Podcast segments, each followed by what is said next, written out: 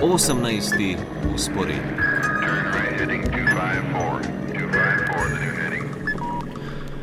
V naši zunanji politični oddaji se odpravljamo na pohod po državah Zahodnega Balkana, po poti, ki jo znova premaguje vse večje število prebežnikov, zaradi česar so zaskrbljenost izrazili tudi notranji ministri Evropske unije.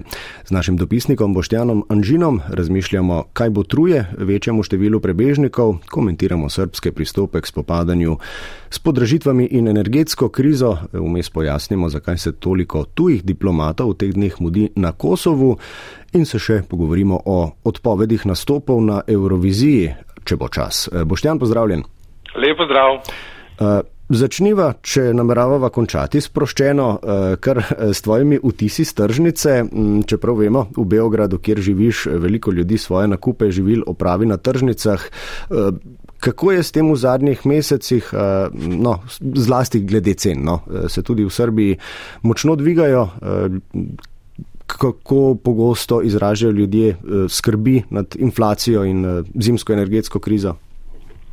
O, ja, kar precej ne moram reči, recimo ja, zelo konkretna posledica vsega skupaj je, da bi mogli od 15. oktobra imeti začetek kurilne sezone, ampak so ga prestavili, ker je dovolj toplo, so rekli, ne, da bomo mal privrčevali, ampak um, v resnici bo zares v ponedeljek spet 27 stopinj, tako da uh, mogoče je to čisto ok. Tako da zdaj v bistvu tukaj, kar se energije in tega tičemo, upamo, da bo čim dlje toplo, da, da bomo se manj porabili za te stvari, ne, ker cene so, če jih primerjamo recimo z lanskim letom, pa lahko kar naštejem, ne, oglje je dražje za 60 odstotkov, les za polovico, peleti za tretjino, plin za tretjino, olje za skoraj polovico, tako da um, in tukaj ni teh nekih voucherjev, kot smo jih recimo vajeni v kakšnih drugih državah, samo tri občine so se za to do zdaj uh, odločile. Kar se pa tržnic tiče, ne, ja, tam pa v bistvu res največkrat slišiš ljudi, ne, ki se zelo glasno pritožujejo, kako so cene poskočile, v bistvu vsega, uh, kruh in pecivo recimo za tretjino in zaradi tega je tudi moč močno padla prodaja. Eh, tukaj se recimo ogromno svinskega mesa poje, ne, lani je bila kila 2 evra, zdaj je več kot 3 evra in pol. Eh, statistika pa recimo kaže, da je v bistvu edina zelenjava, ki ni draže kot lani zelje ne, in tega res, da je ogromno tukaj, tako da ga še vedno dobite eh, tam 3 kg za 1 evro.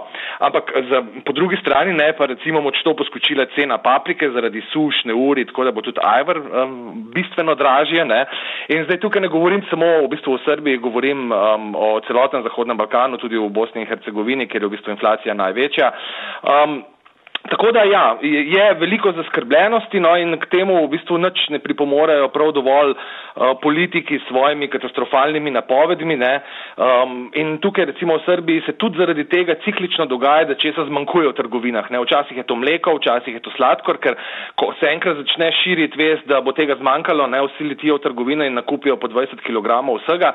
Um, pri mleku se je pa recimo izkazalo, da so um, tukajšnji proizvajalci dobili boljše cene v sosednjih državah tako da je bilo srbsko mleko na policah Črne gore, Severne Makedonije, Bosne in Hercegovine, ni ga bilo pa uh, v Srbiji. Um, in pa recimo še en problem, no, če omenim za Beograjčane, je v bistvu povezan zdaj že tudi s tem množičnim prihodom Rusov ne, po ukazu o mobilizaciji in je tukaj velik šok doživel še nepremičninski trg, tako da so šle najemnine v nebo. Um, ampak zdaj, če morda ta sklop malo bolj optimistično končam, ne, se da cenejše ne, in to so ugotovili zdaj ljudje, ko so mediji objavili cene um, kosil in podobnega iz parlamentov. Tukaj smo imeli dvoje volitve, ene so bile v Srbiji, aprila, pa še vedno nimamo vlade, pa zdaj na zadnje v Bosni in Hercegovini. In recimo v Federaciji Bosne in Hercegovine je najdražja jed, ki si jo lahko privoščijo poslanci, telečja pečenka za 3 evre pa pol, uh, v Srbiji je pa najdražji biftek na žaru za 7 evrov. In potem se ljudje vprašajo, kako um, se da to. ja, verjamem, da se. No. Toliko torej uh, v tem bolj sproščenem tonu oziroma ljudskem, no, stržnice uh, in z ulice, no, uh, o problemih recimo da navadnih ljudi, zdaj se bova premaknila na tako imenovani politični parket. Uh, no, z energetsko krizo ne imajo že kar nekaj izkušenj eh, na Kosovu, eh, ko si se nam zadnjič oglasil, eh, od tam si govoril o redukcijah elektrike.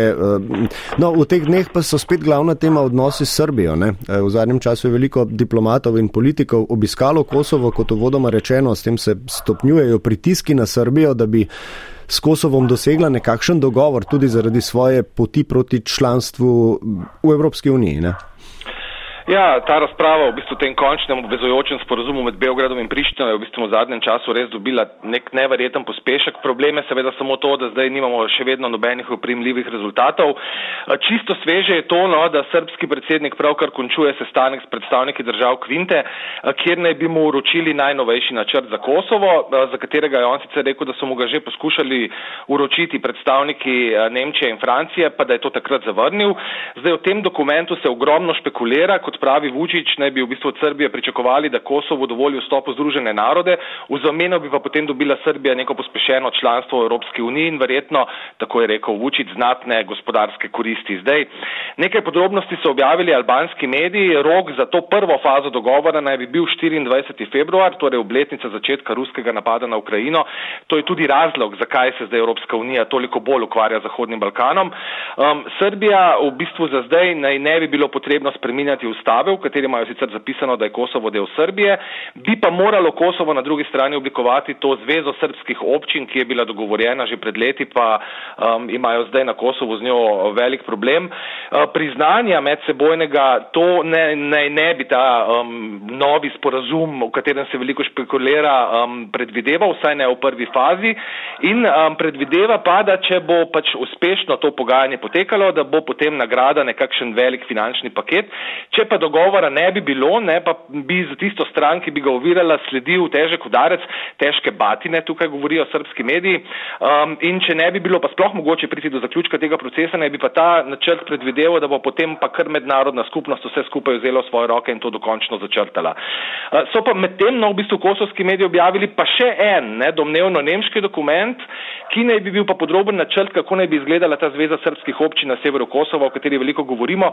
Med drugim naj bi imela grb, zastavo, um, lahko bi imela svojo lasnino, nadzor nad lokalnim gospodarskim razvojem, izobraževanjem, uh, tudi zdravstveno zaščito. Uh, zveza bi imela v bistvu tudi svojo skupščino, predsednika, podpredsednika in to so stvari, ki uh, oblasti na Kosovu um, zelo motijo, zdijo se jim nespremljive, ker pravijo, da v bistvu nočejo na svojem ozemlju neke nove republike srpske. In zdaj tudi marsikomu se v bistvu zdi kar precej nerealno, ne, da bi v nekaj tednih, mesecih zdaj lahko končali to sago, ki traja sicer že desetletja. Je pa res, da je pritisk očitno velik in tudi Vučić govori o tem, da so razmere za Srbijo izjemne težke. V Beograd in Prištino, kot si dejal, prihajajo v bistvu mednarodni opazovalci, Lajčak iz Evropske unije, Eskobar iz ZDA. Potem je pa tu še dodaten pritisk zaradi Rusije, proti kateri Srbija pač ni uvedla sankcij in za zdaj Vučić pravi, da jih ne bo, dokler um, ne bodo v to res popolnoma prisiljeni. Um, je pa šel Vučić, no zanimivo, tako daleč, da je v bistvu zdaj v zadnjih dneh v javnost navrgel še možnost svojega odstopa. Kot pravi, bi šlo za nekakšen taktičen odstop, da si potem lahko kupijo še 6 do 9 mesecev uh, časa. Tako da zdaj um, brez dogovora ni evropske perspektive, to veste obe strani, ne. je pa zadnje čase res vedno več pritiskov tistih, ki se v bistvu na nek način strinjajo s stališči Prištine, da se ta sporazum ne more končati drugače kot z medsebojnim priznanjem. Kancler Nemški je bil eden tistih, ki je dejal, recimo, da si težko predstavlja, da bi bili članici Evropske unije dve državi, ki se med sabo ne priznavata. No, ti si trenutno v Beogradu, ne? Eh, Srbija je nekako tudi v geopolitičnem središču problema, ki sicer zadeva vse države na Balkanu. Eh, znova se povečuje torej število prebežnikov, ki želijo prek držav v regiji priti v Evropsko unijo. Vsaj delni vzrok za to je tudi srpska sprostitev eh, viznega režima za prebivalce Indije, Tunizije, Maroka, pa Burundija in nekaterih drugih držav. Eh, tudi notranji ministri Evropske unije so na srečanju v Bruslju pozvali k ukrepanju, eh, ampak no, še preden ukrepamo, no, kje se sploh iščejo oziroma kje ti vidiš razloge za vse večje število prebežnikov?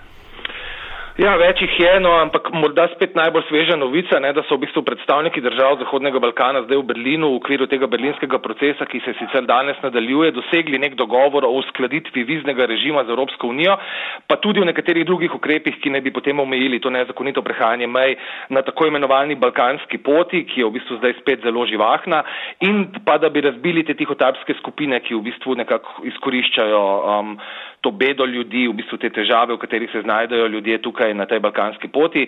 Tudi o tem so se seveda pogovarjali, o postopkih, kako bi v bistvu matične države zdaj vračali ljudi, ki nimajo recimo pravne osnove za bivanje v Evropski uniji ali pa nimajo niti možnosti za mednarodno zaščito. Zdaj sporočilo iz Berlina tudi v imenu zahodno-balkanskih držav je, da je treba pomagati ljudem, ki bežijo zaradi vojen ali političnega preganjanja, da so pa odločeni, da bodo nezakonito migracijo pa ustavili. Zdaj, tisto, kar Brusel najbolj skrbi, je v bistvu um, poleg tega, ne, da, da imamo veliko povečanje po kopenskih poteh, torej iz, v Srbijo prihajajo iz Bulgarije, iz Romunije, iz Severne Makedonije in potem poskušajo te ljudje nezakonito nadaljevati pot proti ali Bosni in Hercegovini ali proti Hrvaški in pa potem, ko se z njimi pogovarjaš naprej proti Sloveniji, um, Italiji, Avstriji, to so pač za njih recimo idealni scenariji. Um, problem je pa drug, ne, to je pa ta vizni režim, um, tukaj je pa na udaru predvsem v bistvu Srbija, ne, ker dovoljuje, da lahko recimo kar z letali pridajo um, ljudje iz um, Indije, Tunizije, Burundija, kot si dejal, uh, še več je teh držav. Um, in to je pa problem zaradi tega, ker te ljudje za vstop v Srbijo ne potrebujejo vizuma, za vstop v Evropsko unijo bi pa ga in v Evropski uniji nimajo možnosti za mednarodno zaščito, zato v bistvu prihajajo sem in potem poskušajo nezakonito naprej nadaljevati pot uh, proti severu, proti Evropski uniji. In tisto, kar zdaj Evropska unija pričakuje, je predvsem da se ustavi ta del, torej da bi lahko ljudje, ki um, v Evropsko unijo, za Evropsko unijo potrebujejo vizum, da ne bi mogli neovirano vstopati pa na prak te Evropske unije. Um, zdaj tukaj ne, seveda ni problem Srbije v tem, da bi imela tukaj zdaj trenutno ogromno migrantov, čeprav jih je bistveno več, to je okrog deset tisoč, ker večinoma ljudje tukaj ostanejo en mesec in grejo potem naprej, v kakšnem mesecu ponavadi uspejo priti tudi čez eno od mej. Um, in v bistvu tukaj tudi v srpskem notranjem ministerstvu vse čas obveščajo ne, o teh raznih akcijah, kako preganjajo tihotapce, um, zapirajo divja šoturišča. Zdaj recimo imamo spet to uh, situacijo, da so tukaj po parkih po Beogradu um, ljudje, ki nimajo v bistvu kje spati. In letos recimo do septembra je v Srbijo nezakonito vstopilo po nekaterih podatkih okrog 70 tisoč ljudi. Hmm. Mm, kot ponavadi si sicer eh, gosto beseden, a tudi hiter, tako da lahko za konec odpreva še eno temo, eh, ki je ta teden povezala eh, vsaj tri države v regiji. Severna Makedonija, Bolgarija in Črnagora so se odpovedale nastopu na Euroviziji. Kot razlog so navedle visoke stroške. Kako je s popularnostjo Eurovizije na Balkanu, a si ni pridobila takega statusa, da bi bile države pripravljene nameniti pa če tudi ne, visoke denarne vložke za nastop? Ja, no, načeloma na Eurovizija v bistvu v teh naših koncih tukaj kar precej priljubljena. Ne? Večina držav v bistvu za razliko od Slovenije tudi zelo redno nastopala v preteklosti na teh otroških različicah tega festivala. Uh, ampak seveda so take odločitve pač povezane tako s financami, pa po drugi strani tudi z izkušnjami ne? in uvrstitvami v preteklosti in lani recimo niti Bolgarija, niti Črnagora, niti Severna Makedonija, tako kot Slovenija, um, se niso uspele uvrstiti v finale. Še posebej recimo Črnagora ima na tem Eurosongu res zelo slabo bilanco. Severna Makedonija je imela nekaj prebliskov. Za Bolgarijo recimo je pa marsikdo presenečen, ne, ker je pa velja za eno uspešnejših uh, držav. Zdaj omenim tukaj še Bosno in Hercegovino, ki prav tako ne sodeluje. Njihova javna radiotelevizija je v bistvu zaradi vrste razlogov, predvsem ker ji um, v ta del, ki deluje v Republiki Srpski, ne uplačuje pobrane eh, naročnine v hudih finančnih težavah in tudi ostale, te, ki so se zdaj odločile za to, da, da ne bodo odšle na Eurovizijo, pač kot razlog navajajo um, dvig zneska, ki ga morajo plačati te države udeleženke. Ta je sicer odvisen od velikosti, ampak letos si morajo vse tiste, ki bodo nastopile, razdeliti tudi precej velik znesek, ki bi ga sicer um, plačala Rusija, ki je pač na Eurosongu seveda ne bo. Poleg tega so pa tudi stroški nastanitve v Veliki Britaniji precej višji kot recimo v Turinu lani. Um, in zdaj smo pač v obdobju, ko cene strmo naraščajo, ne, ko vsi vrčujejo, ko se pač nekatere javne radiotelevizije um, odločajo tako kot se. V Črni gori so imeli recimo tudi težave s sponzorji. Tako da točnega zneska v resnici, koliko posamezne države nakazujejo v ta skupni budžet, nimamo, ne, ampak vemo, da so vse skupaj nakazali okrog 5,8 milijona evrov. To je še vedno bistveno manj, kot bo dal BBC, to bo okrog 20 milijonov. Zdaj pa za, za na konec, ne, da končava pa malo bolj optimistično, pa se vrneva na Kosovo. Imamo državo, ki bi bila takoj pripravljena nastopiti na Eurosongu, ne, to je seveda Kosovo. Uh, in oni so zelo glasno letos napovedovali, seveda ob tem, da so se potem v Srbiji vse čas ob tem zgražali, da bodo poskušali že na letošnji Eurosong priti, ne, torej izkoristiti odsotnost Rusije in Srbije, da bodo um, najprej vložili prošnje za članstvo v EBU-ju, torej Evropski radiodifuzni zvezi, kar je tudi pogoj potem za udeležbo na Euroviziji televiziji. No, ampak um, jim ni uspelo v letošnjem letu, torej tudi prošnja ni prišla, tako da zdaj um, na Kosovo tisti, ki so oboževalci Eurovizije, upajo, da se bo kaj takega lahko zgodilo prihodne leto.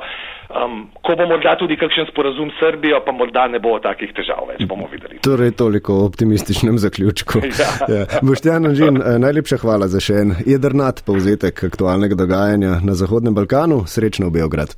Lepo zdrav, Slovenija.